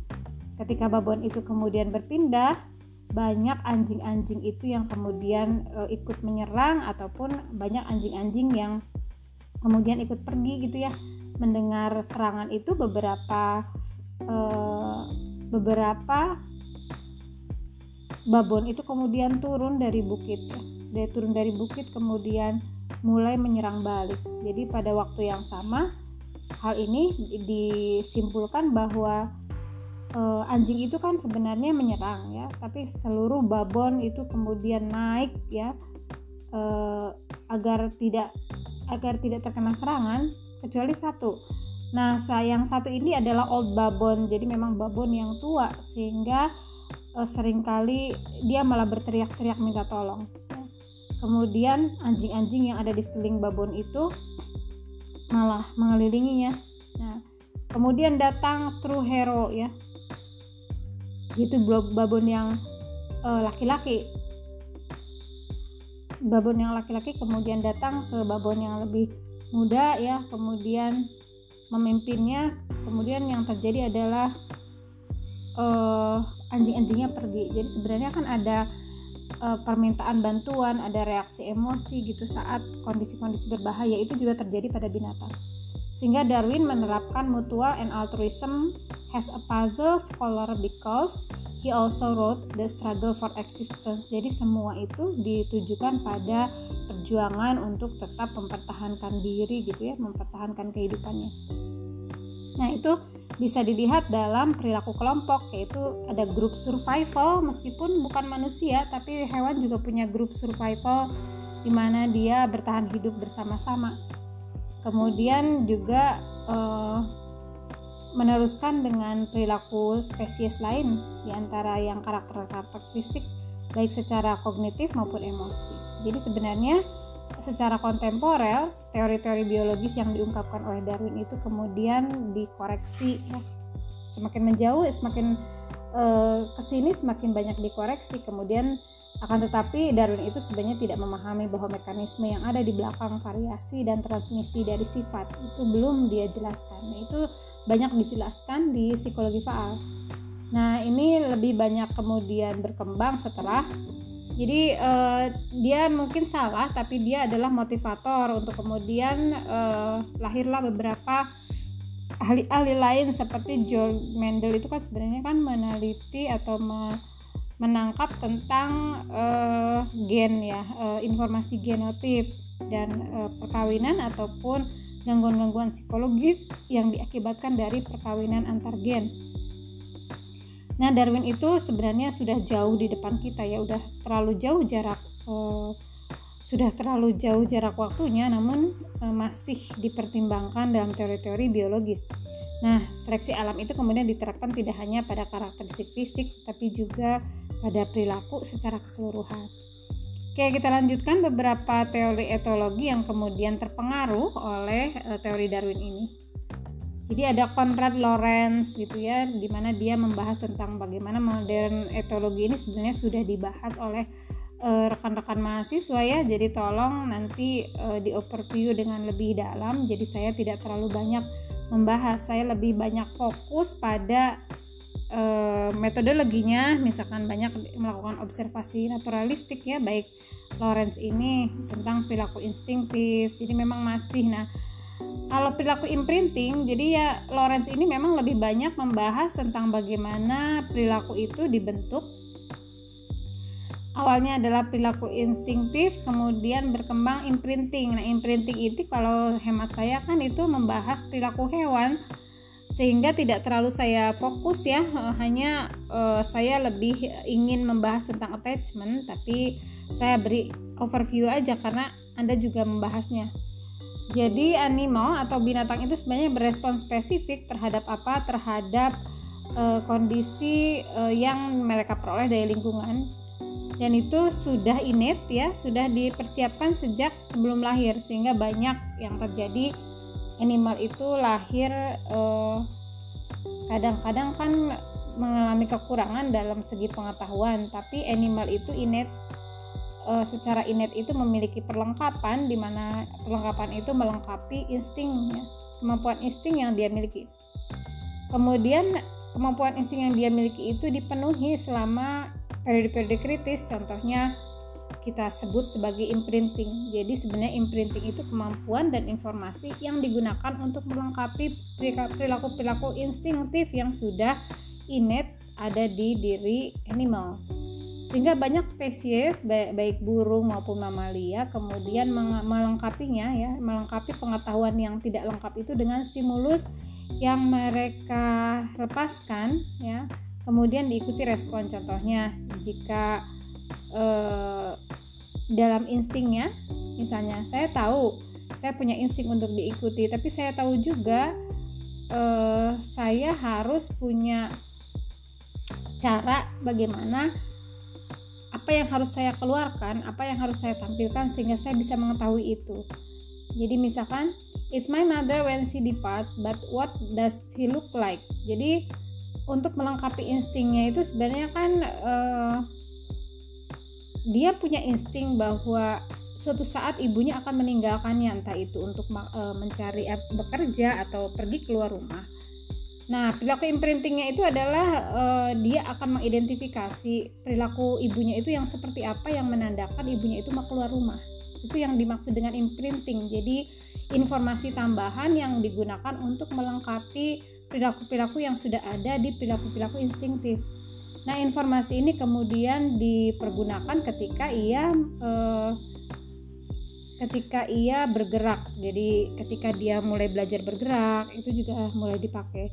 Jadi, secara ordinary objek itu betul-betul ibu, tapi ketika eh, ketika dia menampakkan atau menangkap stimulus ibu, secara energetik ya, secara tenaga dan aktivitas dia mengikutinya e, dan mengumpulkannya ke dalam satu kelompok informasi yang sama. Jadi e, ketika ia pergi ya, dia jadi menolak ya, e, menolak kondisi-kondisi lain. Misalnya, they imprinting on him. Jadi biasanya kan e, ketika kita menolak ya ketika menolak sesuatu kita akan e, menampilkannya gitu ya. E, untuk menggantikan ya perilaku instingtif atau melengkapi perilaku instingtif yang ditampilkan. Misalnya ada ibu akan pergi gitu ya terus anaknya melihat ibunya e, pakai baju gitu ya pakai baju e, baru kemudian dia baru e, berteriak-teriak dan menangis gitu ya dan itu juga sama seperti respon yang ada pada uh, misalkan saat dia berespon terhadap bapaknya ya. ketika bapaknya pergi dia jadi cuek gitu ya. Dia jadi cuek. Jadi akhirnya ada perilaku-perilaku yang ditampilkan yang memang ber berbeda dari subjek yang satu dengan subjek yang lain. Itu digunakan untuk melengkapi dorongan-dorongan insting yang timbul. Sehingga Lawrence mengatakan bahwa uh, yaitu bukan pertama yang pertama mengobservasi imprinting. Dia ada yang ada yang pertama yang mengungkapkannya sehingga fase-fase imprinting ini adalah fase-fase kritis yang disebut sebagai critical period. Maknanya binatang yang lebih muda itu kemudian akan membentuk kelekatan dengan objek hanya jika dia e, mengikuti objek itu pada waktu-waktu pertama awal kehidupannya jika makanya jika animal itu kemudian animal muda itu kemudian melihat objek sebelum dan sesudah critical period itu tidak ada attachment. Jadi di sini digambarkan bahwa sangat penting atau sangat kritis eh, sangat diperlukan periode sebelum dan sesudah eh, before and after critical period. Karena apa kalau tidak seperti itu, maka tidak ada kelekatan yang terbentuk. Nah, satu dari kritika period itu kemudian lewat, maka eh, dia kemudian mampu membentuk kelekatan dengan objek-objek lain. Jadi imprinting itu ya memang perilaku-perilaku yang melengkapi insting yang kemudian itu dikeluarkan oleh individu agar dia bisa sampai pada attachment. Ya. Nah di sini e, contohnya adalah seseorang bisa mengimprinting figur ibu, kemudian e, bebek dan lain-lain ya. Tapi kemudian e, ketika terpisah ya, ketika menjadi separate, terpisah, dia mencari ibunya gitu ya. E, misalnya saja ketika e, apa ibunya tidak ada, yang terjadi adalah dia mendengarkan suara-suara panggilan dan bebek itu tidak bisa dia capai. Dia mem, apa melemparnya ya, kemudian e, menjauhkannya. Nah, ketika e, dia mencapai bebeknya, dia jadi suka dia jadi tertawa ia dan bebeknya kemudian bertukar suara yang menyenangkan jadi itu juga perilaku imprinting itu akan juga tampak pada periode uh, keterpisahan. Jadi akhirnya dia mencoba untuk menampilkan kelekatan tapi digantikan dengan objek lain. Salah satunya adalah mainan bebek-bebeknya. Ya itu juga perilaku insting yang uh, mempersiapkan atau melengkapi perilaku-perilaku instingtif yang kemudian muncul. Imprinting itu dapat diterapkan tidak hanya pada respon-respon pada uh, individu yang lebih muda tetapi juga pada perilaku sosial di mana early imprinting itu dapat menyebabkan seksual preference jadi kecenderungan seksual dia suka orang seperti apa Salah satunya adalah e, bagaimana tetangga itu e, apa e, mengangkat tangannya kalau kita pergi gitu ya. Kemudian juga perilaku imprinting pada manusia itu juga bisa terlihat pada kematangan seksual. Sehingga kalau seseorang itu matang secara seksual dia sudah bisa untuk attach atau lekat dengan individu lain. Nah, ketika ke, kemudian ketika dia berusaha untuk uh, mendekat pada individu lain. Uh, ini terlihat bahwa fokusnya pada manusia itu lebih ke arah kalau membentuk hubungan seksual maka dia memerlukan pen, apa, peningkatan atau pemahaman tentang perkembangan seksual yang lebih advance sehingga kritika period pada seksual imprinting itu pada uh, lebih didasari oleh bagaimana anak atau individu pria dan wanita itu mengimprinting perilaku uh, yang ditampilkan oleh orang tuanya. Itu tidak hanya terjadi ketika di awal-awal ya, sebelum seksual behavior, tetapi juga saat seksual behavior itu terjadi. Jadi perilaku imprinting itu itu juga mewarnai yang perilaku-perilaku yang berdekatan bergandengan dengan perilaku yang dekat dengan perilaku-perilaku yang dipancing oleh insting jadi di sini uh, attachment atau kelekatan yang terjadi pada orang dewasa itu dimaknakan sebagai lovers, misalnya itu mencintai. Nah, itu sebenarnya kelekatannya akan lebih kuat dibanding kelekatan yang dibentuk dengan orang tuanya. Nah, ketika orang dewasa itu kehilangan ya uh, tanda sign uh, tanda dari partnernya, maka secara dia mencarinya, kemudian uh, bergerak about restless by day and night flying great distance and visiting all place where the partner might be found. Jadi ini akan di pada orang dewasa yang adult yang sudah punya pasangan, maka keterpisahan ini akan dimaknakan lebih dalam dibanding keterpisahan dengan orang tua. Jadi Anda bayangkan saja ada istri ya yang suaminya itu selingkuh misalnya. Uh, istrinya mengindikasikan suaminya selingkuh, biasanya kan mencari ya. Mencari suaminya ada di mana gitu ya. Apakah dia ke tempat hiburan atau ke tempat mana. Kemudian dia berusaha untuk melakukan kelekatan itu kembali. Jadi sejauh ini sudah kita diskusikan bahwa pembentukan social attachment itu juga awalnya didasari oleh pola asuh ya parental seperti juga pada hubungan seksual. Kemudian proses yang terjadi berkembang sampai kemudian dia belajar meliputi belajar bagaimana teritorial map bagaimana oh, makanan yang lebih disukai bagaimana eh, lagu-lagu yang disukainya gitu ya. Itu kan membentuk nanti uh, attachment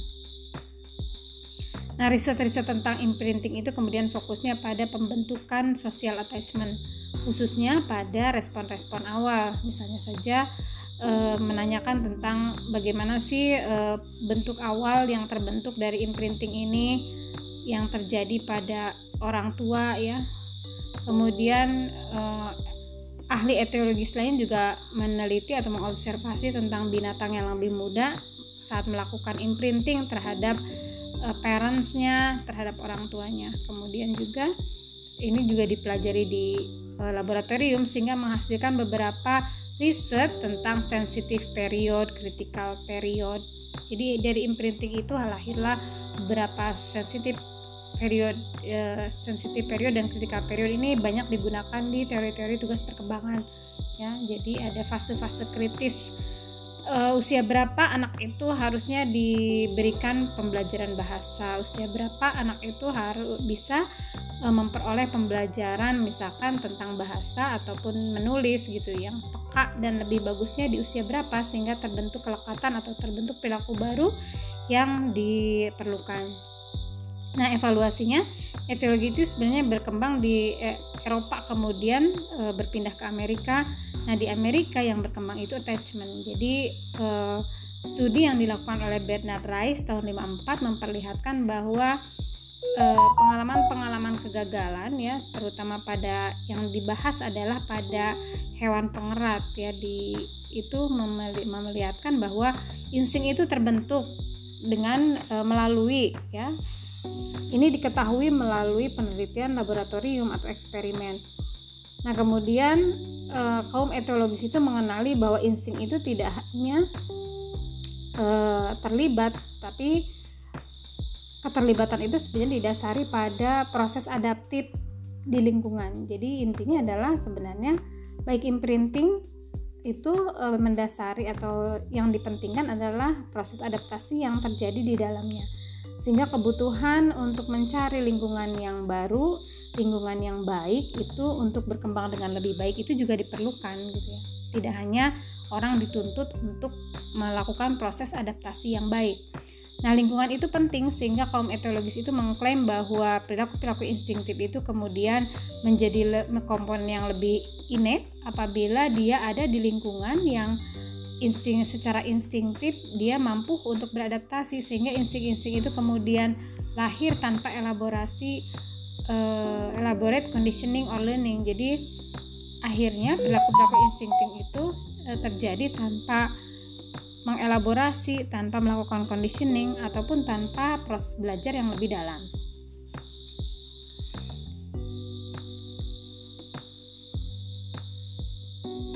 Awalnya uh, begitu ya uh, pendapat dari kaum etologis. Kemudian kaum etologis juga kemudian menghasilkan beberapa insight tentang insight tentang respect terhadap perilaku-perilaku non-human ya perilaku-perilaku binatang kemudian juga baru perlahan-lahan dia menerapkannya pada human sehingga sebenarnya uh, ini uh, menggambarkan bagaimana perilaku fundamental yang dipelajari melalui perilaku-perilaku hewan yang diterapkan pada manusia ya tidak bisa kita terapkan secara otomatis ya nah fokus terbesar kita adalah attachment ini. Nah, attachment ini kelekatan yang sudah diterapkan pada human ya, perilaku manusia di mana di sini tokohnya adalah John Bowlby yang lahir di London. Ya, dia berada di kalangan menengah ke bawah ya, ekonomi menengah ke bawah di Inggris. Dan dalam relasi interpersonalnya, Bowlby itu e, cenderung lebih old fashion. Jadi dia lebih suka hal-hal yang kuno begitu ya. Nah, untuk karena sebab itu maka karirnya juga tidak terlalu menanjak ya kemudian eh, anaknya itu masuk ke sekolah eh, eh maaf dia sebenarnya mengajar juga di sekolah anak kemudian menerima training psikoanalisa nah setelah itu kemudian dia menjadi psikiatrik yang bekerja untuk melakukan proses bimbingan dan konseling untuk anak Nah, uh, Bowlby ini menjadi concern tentang gangguan yang terjadi pada anak. Kemudian uh, dia juga uh, peduli pada interaksi emosi Ini sebenarnya uh, Bowlby ini lebih banyak meneliti tentang bagaimana interaksi yang terjadi pada anak usia 3 tahun yang dirawat di rumah sakit. Jadi dia banyak mengkritik tentang lembaga institusional yang uh, kurang bisa menghasilkan proses attachment yang baik pada anak.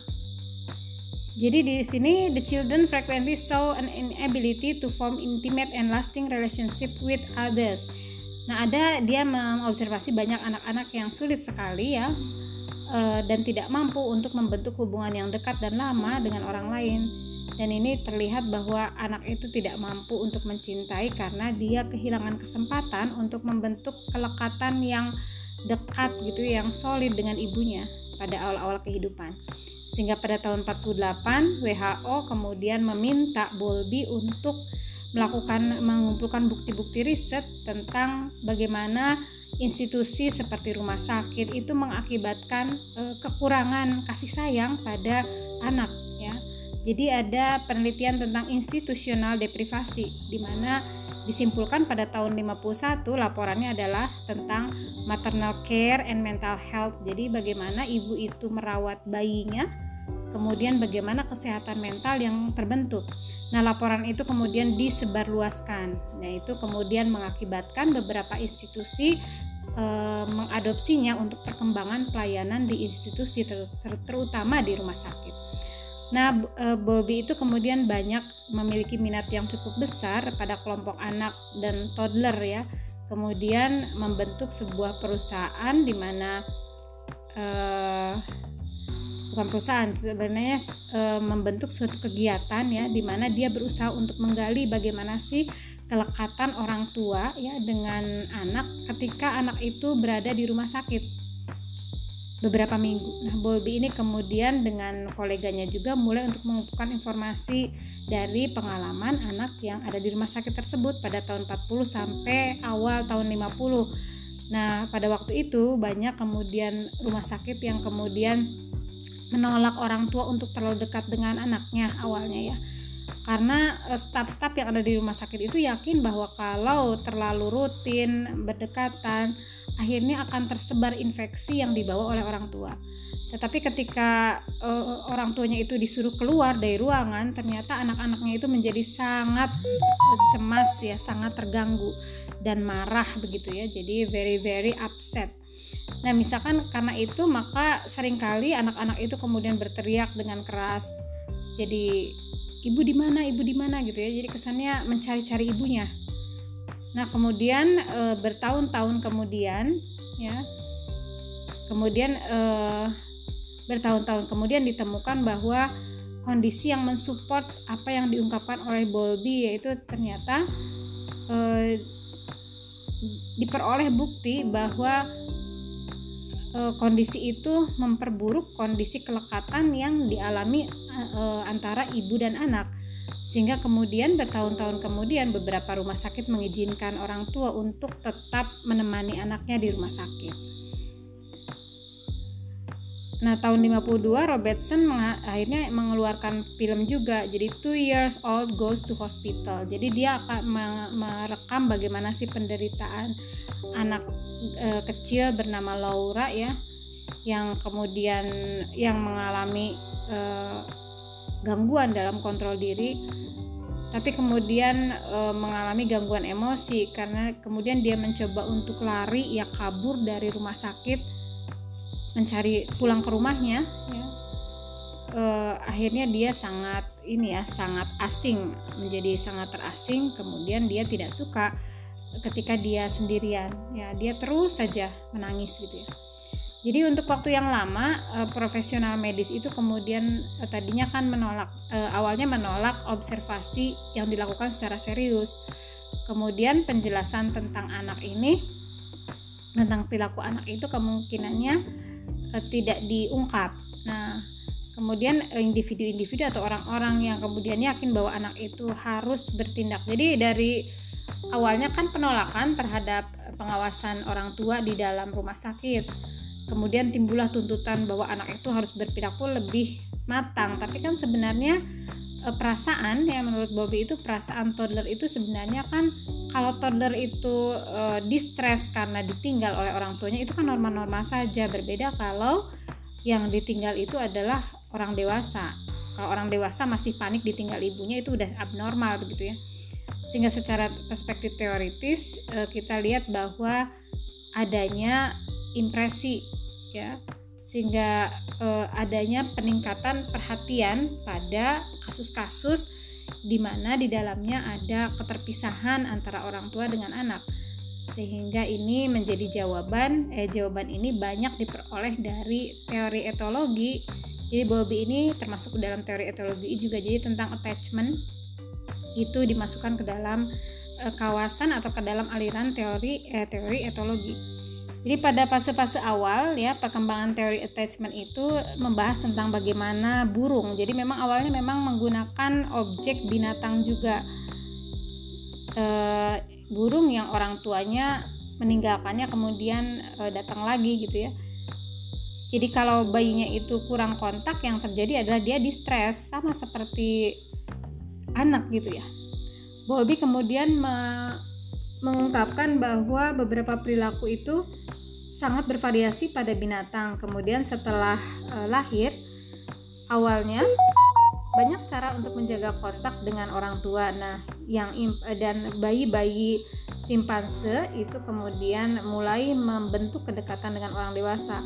Bowlby menyebutnya sebagai uh, crying out, clinging, action that maintaining proximity to parent. Jadi sebenarnya kan uh, tanda-tanda attachment sudah terbentuk itu adanya menangis kalau orang tuanya pergi. Kemudian mencoba melakukan tindakan-tindakan uh, kita bilang merajuk ya. Misalnya uh, tidak mau jauh-jauh dari orang tuanya gitu. Kemudian uh, ini menjadikan merupakan bagian dari insting yang alamiah. Karena apa? Karena e, mereka berusaha untuk berperilaku menyesuaikan diri dari dalam keterpisahan tadi Nah, binatang yang lebih muda kemudian kurang menjaga kedekatan dengan ibunya, jadi sudah semakin agak besar gitu ya. Nah, eh, yang lebih muda kemudian eh, yang eh, binatang-binatang yang lebih muda kemudian mencoba untuk eh, apa melepaskan dengan lebih mudah. Jadi kita lihat kalau misalkan kakak ya kakak dengan adik si adik melihat bagaimana kakaknya itu kesulitan untuk melepas orang tuanya pergi kerja. Nah, yang terjadi bisa saja adik ini menjadi mempersiapkan diri bagaimana tidak serewel kakaknya, itu bisa terjadi.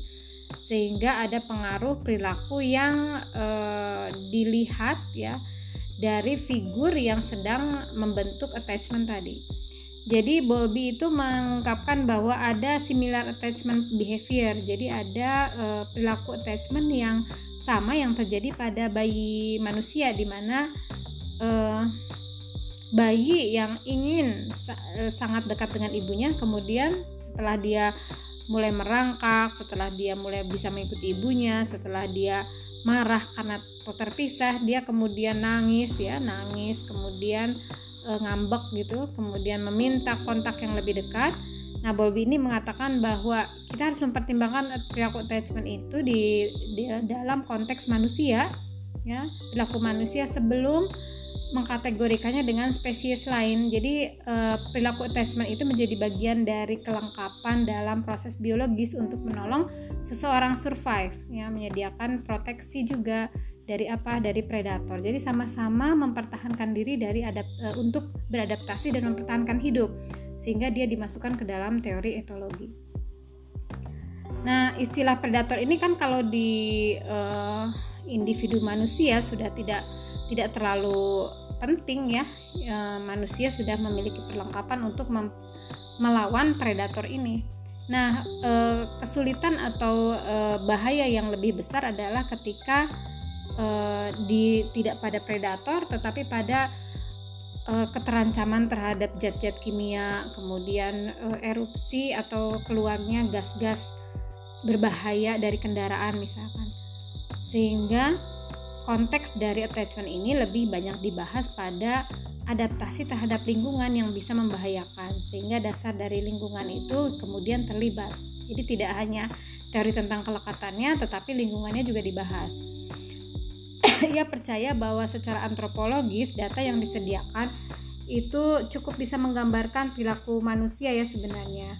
Tapi e, sejak 2 juta tahun yang lalu ketika e, para ketika banyak ilmuwan-ilmuwan kuno ya yang membahas tentang Homo habilis dengan menggambarkan uh, manusia dengan menggunakan perlengkapan yang terbuat dari batu. Nah, melalui dan akhirnya di sini uh, pembahasannya adalah bergerak pada kelompok ya dari manusia kemudian bergerak pada kelompok kecil uh, kelompok kecil saat berhadapan dengan predator ini apabila kita mengasumsikannya atau menganalogikannya dengan perilaku binatang. Nah, ketika terancam, manusia kemudian berkooperasi, bekerja sama untuk menggiring predator itu kemudian melindungi uh, binat uh, melindungi individu yang lebih muda, yang lebih lemah. Kemudian yang individu yang lebih besar kemudian e, cenderung melawan predatornya itu. Jadi sebenarnya kan e, itu berupa perilaku-perilaku mempertahankan diri ya. Kemudian diikuti dengan e, ibu itu kemudian e, melindungi di bagian diri sebelah belakang. Kemudian juga bagaimana seorang menjadi kurang e, kurang memberikan makanan untuk kuda-kuda misalkan yang dikejar eh, yang sedang dikejar anjing gitu. Sehingga di sini perilaku attachment itu tidak diragukan lagi adalah salah satu bagian karakteristik dari bagian karakteristik dari yang kita lihat sampai sekarang. Sehingga Bowlby itu biasanya diyakini meyakinkan bahwa attachment itu kemudian e, terlibat dalam fase-fase awal pembentukan kepribadian individu. Nah ini uh, Bobby membedakan antara insting, imprinting gitu ya. Jadi uh, Bobby juga masih menggunakan insting dan imprinting ya.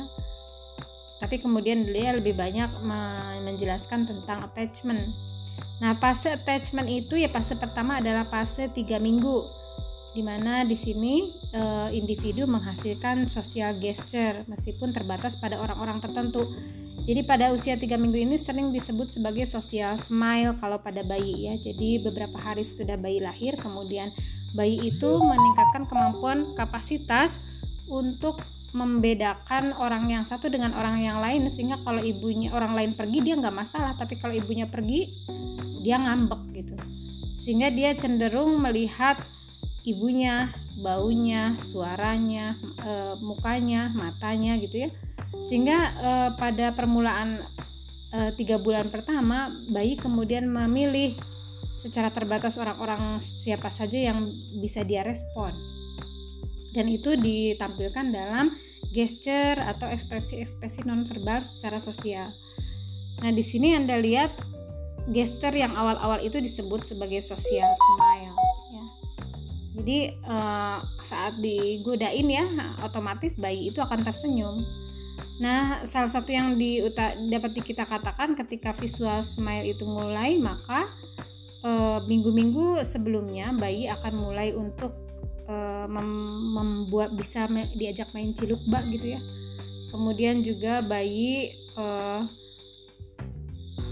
meningkat menjadi social smile. Nah, Anda lihat bahwa Eh, sosialisme itu juga me, apa merupakan momen yang penting kalau kita lihat ke orang tua. Jadi orang tua juga uh, mulai menyatakan oh anak ini mencintai saya gitu ya melalui sosial smile-nya. Nah tiga bulan berikutnya sosial smile itu uh, tidak selektif lagi. Dia bisa sosial smile sama siapa saja gitu. Nah profil itu far less efektif jadi akhirnya profil ibu ya tidak selalu ibunya saja yang bisa diajak main ciluk bak gitu ya. Kemudian voice atau suaranya itu e, cenderung e, suara cenderung menjadi bagian yang lemah untuk melecut atau memicu e, ketawa. Sehingga sosialisme itu biasanya muncul saja ya meskipun tidak muncul e, stimulus yang spesifik. Misalkan tidak hanya keluar kalau ada orang tua saja, tetapi untuk orang lain juga bisa. Kemudian mulai dengan uh, babbling gitu ya. Ada uh, babbling itu biasanya menyebutkan kata-kata yang tidak memiliki arti itu permulaan awal bicara. Biasanya bayi menampilkan sound atau bunyi-bunyian ya. Nah, itu sebagai tanda uh, kalau ada muka orang dia babbling gitu. Kemudian uh, sama juga dengan senyuman, babbling itu merupakan uh, awalnya juga uh, tidak selektif ya. Kemudian bayi hanya uh, babbling ketika uh, ada orang-orang tertentu di sekitar dia. Jadi babbling ini juga seperti smiling jadi social releaser. Jadi fungsinya adalah untuk menjaga hubungan antara individu-individu yang memiliki kedekatan seperti ibu misalnya. Nah, menangis itu kemudian menghasilkan kedekatan juga antara pengasuh dan anak seperti uh, panggilan bahwa anak itu sedang mengalami distress itu sinyal itu diperlukan agar bayi ini ditolong. Misalnya saja oh bayi ini sedang dalam kondisi sakit lapar dingin ya, atau tidak nyaman. Sedangkan kedekatan itu lebih ke arah bagaimana bayi itu membutuhkan pelukan. Jadi bayi yang baru lahir kemudian diberi perlengkapan uh, kelengkapan untuk bisa menampilkan uh, respon pelukan gitu ya. Jadi salah satu halnya adalah uh, ada refleks-refleks yang kemudian dibentuk seperti gra grabs ya grass. Kemudian juga uh, objek bisa disentuh oleh bayi meskipun dengan uh, bisa ditentu oleh bayi dengan tangan terbuka. Nah tangan itu secara otomatis uh, tertutup sesudah itu. Kemudian uh, ada refleks moro ya. Ini kemudian terbentuklah refleks-refleks yang menggambarkan kedekatan ya. Ada grace ada moro misalnya. Kemudian eh, anak juga akan menampilkan eh, suara-suara ribut ketika tidak diperhatikan.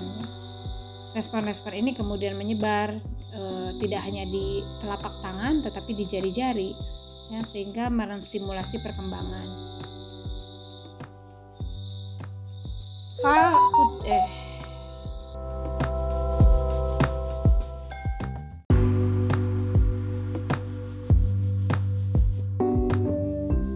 Bismillahirrahmanirrahim. Assalamualaikum warahmatullahi wabarakatuh. Uh, Pada kesempatan pagi hari ini Saya mulai melakukan uh, rekaman perkuliahan yang harus seharusnya saya share kemarin ya Karena satu atau lain hal Pagi ini saya menambahkan materi yang belum saya jelaskan pada teori etologi yang diungkapkan oleh Darwin, Lawrence, Timbergen, dan Bowlby. Kita akan membahas sebenarnya dorongan atau motivator yang utama dalam teori etologi itu dikemukakan oleh Darwin, di mana etologi adalah studi tentang binatang dan perilaku manusia dalam eh, konteks evolusi. Jadi sebenarnya memang eh, teori-teori yang hadir sesudah yang berdasarkan atau dipengaruhi oleh teori etologi itu banyak dimotivasi oleh teori Darwin.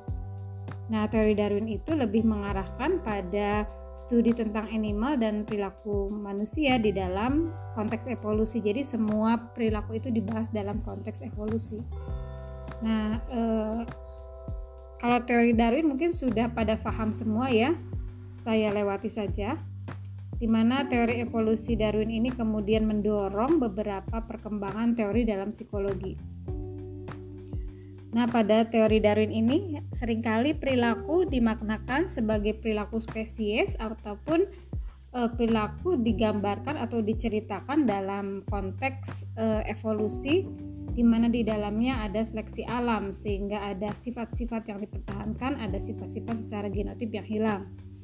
Nah, kasusnya pada human ini sebenarnya kan uh, dibahas oleh Darwin dalam The Origin of Species, di mana uh, evolusi itu kemudian diterapkan pada evolusi manusia ya, dan bukunya The Descent of Man gitu kan ya. Sehingga contohnya uh, kesannya uh, manusia dipersamakan atau diperbandingkan dengan animal atau hewan, sehingga uh, kita uh, cenderung eksperimen yang dilakukan itu lebih banyak didasari perbedaan dalam struktur tulang, struktur otot, sistem saraf, dan darah. Nah, Darwin kemudian mengobservasi bahwa embrio manusia pun kemudian hampir sama dengan binatang. Nah, ini sebenarnya eh, akhirnya menjadi kajian ontogeni rekapitulasi filogeni. Jadi sebenarnya kan ini e, berkembang menjadi e, studi tentang bagaimana fosil kemudian dipelajari untuk melihat perkembangan kehidupan jalur kehidupan dari manusia.